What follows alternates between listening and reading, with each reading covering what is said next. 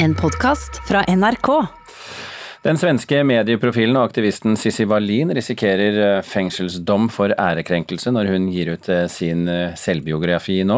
Det mener eksperter innen ytringsfrihet både i Sverige og her i Norge.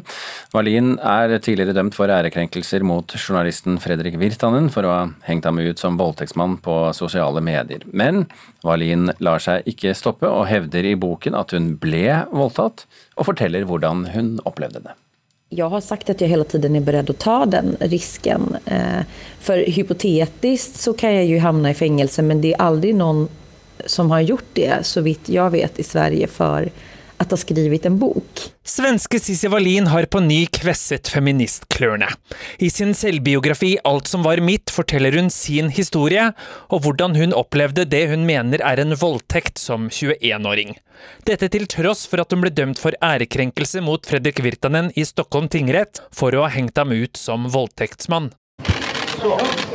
Backa, backa med kameraet. Backa med kameraet, takk. Wallin mener det som feminist er naturlig å fortelle om kvinners situasjon. Og ettersom jeg er kvinne selv, så, så ligger det jo nærmest til hands med just det som rammer kvinner. Altså mens, ofte da, menns vold og overgrep mot kvinner, som er et enormt strukturelt globalt problem.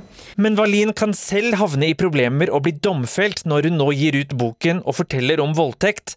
Det mener advokat Carl Bore, som er ekspert på ytringsfrihet og ærekrenkelse. Voldtektsanklagen eh, må kunne bevises. Hvis ikke så bryter hun loven og menneskerettighetene og, og kan bli dømt til, for ærekrenkelser igjen. Medieprofil Wallin har blitt hyllet som en metoo-heltinne i Sverige før rettssaken kom.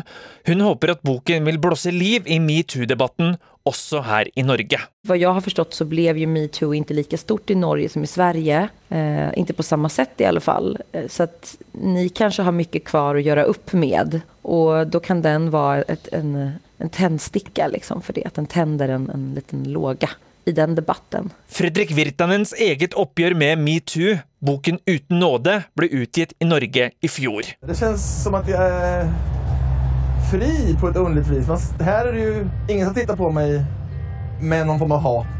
Allerede før utgivelsen av Wallins bok kaster han ut en brannfakkel.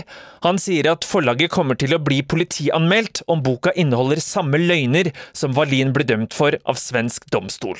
Det norske forlaget Memo sier til NRK at de mener boken går under ytringsfrihet, og at Virtanen er uinteressant siden boken handler om Wallin, og Wallin selv mener hun er berettiget til å fortelle om sine opplevelser. Jeg har aldri forsøkt å stoppe hans bok, men jeg syns at det er vel alle menneskers rett nesten at få gi sin versjon og gi sitt svar. Jeg syns ikke at det skal være straffbart å berette sin egen historie. Og det var eh, Sissi Wallin du hørte der, og reporter det var eh, Knut Øyvind Hagen. I går kom den eh, tredje boka om Alexander Blix og Emma Ramm ut, etterforskeren og journalisten. Bokserien det er det dere to som står bak. Eh, Jørn Lierhorst og eh, Thomas Enger, velkommen. Takk, ja. Dette er altså den tredje boken i serien. Hvem er Alexander Blix og Emma Ramm? Du tar Alexander, så tar Ja, han er, jo, han er jo politimannen, så det er naturlig at jeg forteller litt om han. Eh, han er litt annerledes enn den politimannen jeg vanligvis skriver om, William Wisting. Eh, han føyer seg nok inn, mer inn i rekken av litt sånn ensomme ulver med en ordentlig eh, vanskelig eh, fortid og meget trøblete forhold til både sjefer og andre autoriteter. Og så er det Emma Ramm, som er Hun er en journalist. I, I, eller, altså, I, utgangspunktet så er hun en blogger. altså Hun skriver om nyheter på sin egen blogg. Hun begynte med å skrive om kjendiser. Det syntes hun var litt kjedelig. Hun ville heller jobbe med ting som var litt mer spennende. så, eh, og i, i, i, den første boken i serien så havner hun midt oppi et, et kriminalmysterium som på en måte gjør at hun får litt sånn smaken på den måten å jobbe på. Og, og det, eh, det stoffet på, på sett og vis, da, å jobbe, å jobbe med krim. Eh, Eh, krimjournalistikk. Ja, og Det er jo kanskje ikke helt tilfeldig at det er en eh, journalist og en eh, etterforsker som, som er karakteren i boka? Nei. Jørn Lier Horst, du har jo bakgrunn fra politiet, og, og, Thomas Enger fra journalistikken. Ja, jeg har vært journalist i ti år, altså helt tilfeldig er det ikke. Og Det er jo fra den bakgrunnen min i politiet at jeg henter erfaring. Vanligvis skriver jeg også realistiske kriminalromaner. Her er det litt mer her har det liksom vært moro å leke seg litt i denne enden av sjangeren, for her er det større historie å fortelle. altså. Det er liksom eh, Skal vi si for noe, det er eh, er det lese, selve lesegleden som står i sentrum her. Det er mm. spenning, høyere fart, høyere tempo. Men dere er jo to nå som, som lager dette, denne boken eller bokserien sammen. Dere er to kreative mennesker begge to og lager et kreativt produkt. Jeg går ut fra at det, har, at det trenger litt trening. Eh, hva er det som gjør at dere vil jobbe sammen? Nei, altså Først og fremst er, er vi jo blitt eh, godt kjent med hverandre i løpet av eh, ganske mange år, altså i, i denne bransjen. Vi har vært på samme forlag, vi har, vi har møttes på festivaler rundt, rundt omkring i, over hele verden, egentlig. Så dette kall det gjerne ønsket om å gjøre noe sammen, starta helt tilbake i, eh, i 2012. Eh, da Jørn, Jørn, slo på tråden og lurte på om ikke vi skulle finne, finne på noe sammen. Eh, der og da så passa ikke det så veldig godt, for da holdt jeg midt på med, altså da var jeg midt i gang med, med et av mine, mine bok, bokprosjekter. Og så gikk tiden litt, så, men, men, men, vi har hele tiden snakket om det. Men altså når vi har møttes. Så i 2017, da, da, da var det tid i, i, i, våre begges eh, kalendere til å, til å kunne sette oss ordentlig ned. Ja, men, men selv om vi er to fattere, altså, så må, må ikke tro at det er halve jobben uh, på hver. Det er faktisk nesten mer strevsomt. Ja, for det er ikke ett kapittel på dere hver, f.eks.? Nei, sånn tenkte vi jo litt at vi skulle gjøre det. Og at mm. vi skulle skrive fra hver vårt synspunkt. Altså en politimann og en uh, journalistfortellerstemme. Mm. Eh, veldig vanskelig nå i ettertid å fortelle eh, hvordan den skriveprosessen strengt er, altså. Men dette går liksom vi kasta litt fram og tilbake. Men Jørn du sa jo at, at uh, dette her var annerledes enn de andre bøkene du har skrevet. På hvilken måte da? Ja, Først og fremst selve skriveprosessen. Eh, men for meg så er det også annerledes fordi at eh, jeg, jeg har liksom sluppet litt fri fra den tvangstrøya jeg kan føle det er da, å skrive realistiske politiromaner.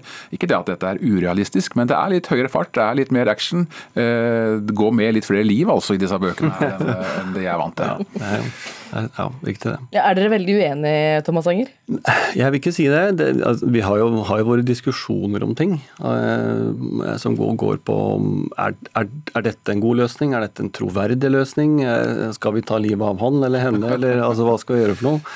Eh, så det går en del e-poster og telefoner fram og tilbake, og ikke, ikke minst fysiske møter hvor vi sitter og ja, rett og slett diskuterer hva hva skal vi finne på nå? Eh, så, så, men det er en utrolig dynamisk eh, skriveprosess. Det er, det er, vi skriver litt på hverandres kapitler. Vi, vi, er hverandres første redaktører og lesere. Eh, så det er, det er blitt et ganske spennende og morsomt hybrid, vil jeg si. Det å forene våre to skrivemåter. For vi er jo ganske forskjellige egentlig som forfattere. Men jeg tror ikke det er så lett for folk å vite akkurat hvilket kapittel som er skrevet av, av hvem av oss. Dette har altså blitt eh, tre bøker, den tredje kommer ut nå. Eh, så er spørsmålet, da. Blir det en fjerde? ja, Thomas eh, varsla jo at det spørsmålet ville komme her. Akkurat nå skal ikke jeg love noe, iallfall, for nå er jeg veldig opptatt med andre prosjekter. Men dette har helt klart gitt uh, mersmak. Absolutt. Mm. Takk skal dere ha. Jørn Lier Horst og Thomas Enger. Vi skal holde oss i bokbransjen, men bare en helt annen type bok. Nemlig den eh, trolig kontroversielle boken til Mary Trump, altså Donald Trumps eh, niese, som vi har snakket om eh, mye de siste ukene. Nå framskynder Mary Trump denne publiseringen. Kulturreporter Ida Yasin Andersen, hva er det som har skjedd? Jo, Utgiveren av boka Simon og Schuster forteller planen er å gi ut boka 14.07, to uker tidligere enn planlagt. Pga. høy etterspørsel og ekstraordinær interesse. Det er det Dagbladet som skriver. Og I boka, heter, boka som heter 'For mye og aldri nok', hvordan min familie skapte verdens farligste mann, er det mange avsløringer om familielivet til presidenten. Mellom annet kommer det frem at han ble utsatt for mishandling som barn. Mm, men repeter litt eh, for oss, Idaya Yasin. Denne ble jo forsøkt stoppet av Trump? Ja, det var jo egentlig teknisk sett broren til Trump som stoppa boka. Og Det er fremdeles usikkert om boka faktisk vil komme ut, men litt av bakteppet er at eh, Robert Trump, som er broren til presidenten, saksøkte niesa for å få stoppa boka. Og Han eh, mener at Mary Trump bryter en konfidensialitetsavtale hun signerte i 2001 i samband med et arveoppgjør etter bestefaren Fred Trump. Mm. Og En dommer i New York har midlertidig stoppa boka, men dette skal nå vurderes i en ny rettshøring førstkommende fredag. Men, men hvorfor blir det så mye bråk om dette? Kan du si noe om innholdet her? Ja, Mary Trump har ifølge The Guardian sagt at uh, i tillegg til førstehåndsbeskrivingene hun kan gi som datter av far sin og niese av Trump, så har hun òg et perspektiv som en utdannet klinisk psykolog. Og På baksida av boka så skriver Mary Trump at mor til Donald Trump ble syk da han var to og et halvt år gammel, og at Trump dermed mista sin viktigste kjelde til menneskelig kontakt og trøst. Eh, hun skriver videre at faren Fred eh, neglisjerte barna sine. Så det er masse avsløringer om familielivet til Donald Trump. Mm. Hva sier Mary Trump nå? Hun er uenig i at hun har brutt denne konfidensialitetsavtalen som Robert Trump viser til. Eh, men hun er under et midlertidig besøksforbud for tida og har ikke lov å uttale seg offentlig om dette eller boka. Iallfall frem til høringa på fredag, ifølge CNN. Men talspersonen hennes sier mellom, hennes eh, sier mellom annet at Mary Trump eh, at om ikke Mary Trump kan kommentere dette, her, så, så kan jeg lure på hva Donald Trump er så redd for. Ok, uh, Ida Yasin Andersen, takk for orienteringen. Ja, Fra en eh, kontroversiell bok så skal vi til en kontroversiell kunstner. Odd Nerdrum har nemlig vært eh, en av Norges ja, kanskje mest kontroversielle kunstnere. Gjennom eh, den lange karrieren har han holdt seg med elever, han har preget flere generasjoner av kunstnere, og nå den såkalte Memorosa-gruppen, som er det siste skuddet på Nerdrum-stammen, åpnet på søndag en utstilling der de, ja, de omtaler utstillingen som et kitsch attack i Fredriksverns gamle krutthus i Stavern. Mona Palle Bjerke, kunstkritiker her i NRK. Du har vært og sett denne utstillingen. Var det et kitsch attack? Kommer litt an på hva man legger i dette begrepet. Dette kitsch-begrepet det lanserte jo Odd Neidrum selv på 90-tallet som betegnende for egen kunst. Kitsch det betyr jo en kunstlignende gjenstand av lav kunstnerisk kvalitet. Sånn sett er det jo veldig uegnet på Odd Neidrum, som er en av våre aller fremste malere. Men jeg må jo si da at selv om Nerdrum da virkelig er en mester, så har det jo kommet overraskende få store kunstnere ut av hans verksted. Eh, men jeg liksom hadde likevel et håp. da. Jeg tenkte liksom kanskje denne gang. Så jeg gikk med en viss eh, optimisme, en slags ønskedrøm. Hvor gøy ville det ikke vært hvis det hadde dukket opp et flunkende nytt talent av Nerdrums format? En nyslått romantiker eller sånn barokkrealist. Det hadde jo vært eh, fantastisk. Ja, Hvordan ble det? ja, altså Memorosa-gruppen består av fem mannlige kunstnere. Det er bl.a. Nerdrums yngste sønn Øde Spildo Nerdrum. Det er Sebastian Salvo, eh, William Heimdal, som bare er 17 år. Eh, det er ikke vanskelig å se hvem som er inspirasjonskilden her, for å si det sånn. Særlig den eh, unge Heimdal legger seg meget tett på lærerens både liksom koloristiske uttrykk, men også motivkrets. Eh, heldigvis er han bare 17 år, så han har mange år på seg til å få et litt Eh, sikrere håndlag med penselen, for han har en lang vei å gå sånn eh, maleteknisk. Særlig sliter han med å få skikk på anatomien. I flere av bildene så ser vi det, bl.a. Maleriet 'Portrettet av med erigert penis'. Så ser vi at kroppen liksom ikke riktig henger sammen bitte lite hode plassert på en overdimensjonert torso. Hvis dette er et formgrep, et bevisst formgrep, så fungerer det ikke helt heller. Eh, så her lurer man jo litt på hvor Nerdrum har vært. For her kunne en del velmente og tydelige råd kommet godt med. Og flere av elevene de, de, ser også ut til å ha hentet inspirasjon fra ja, det litt mer surrealistiske i Nerdrums eh, bilder? Ja, men der Nerdrums arkaiske, liksom tidløse scener klarer å tematisere angst og fremmedgjøring som noe allmenngyldig, noe som vi opplever angår oss i dag, så henfaller veldig mange av bildene til elevene til mer sånn eh, mytologiske klisjeer. Eh, og De mangler gjennomgående også den mektige visuelle kraften som kjennetegner eh, læreren. vil jeg si. Og Det er flere av dem som sliter med å modellere lyset, istedenfor at høylyset er med på å definere formen. Så blir det liksom liggende på utsiden av formen, som litt sånne malplasserte flekker. Men i anmeldelsen din, da, da trekker du jo fram et lovende unntak, stemmer ikke det?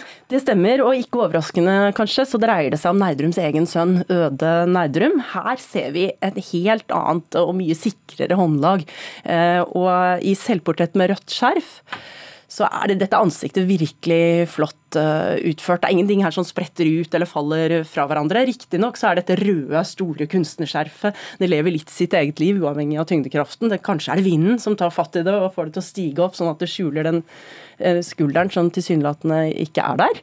Uh, men så bortsett fra noen sånne små anatomiske rariteter, så blir jeg veldig optimistisk på Øde Nerdrums eh, vegne. Så hvis han kan klare å utvikle et noe mer selvstendig formspråk, og slik sett også bevege seg ut av sin fars mektige slagskygge, så tror jeg det kan bli en skikkelig flott kunstner av han. Så hvis vi skal oppsummere alt dette, hvor havner vi da? Ja, jeg slutter aldri å forundres over at en briljant perfeksjonist som Nerdrum gjennom mange år, og også nå, lar så mye middelmådighet uh, passere. Det er, uh, han er åpenbart altså en så mye bedre kunstner enn han er lærer. Ja, takk skal du ha, Mona Palle Bjerke, kunstkritiker her i NRK.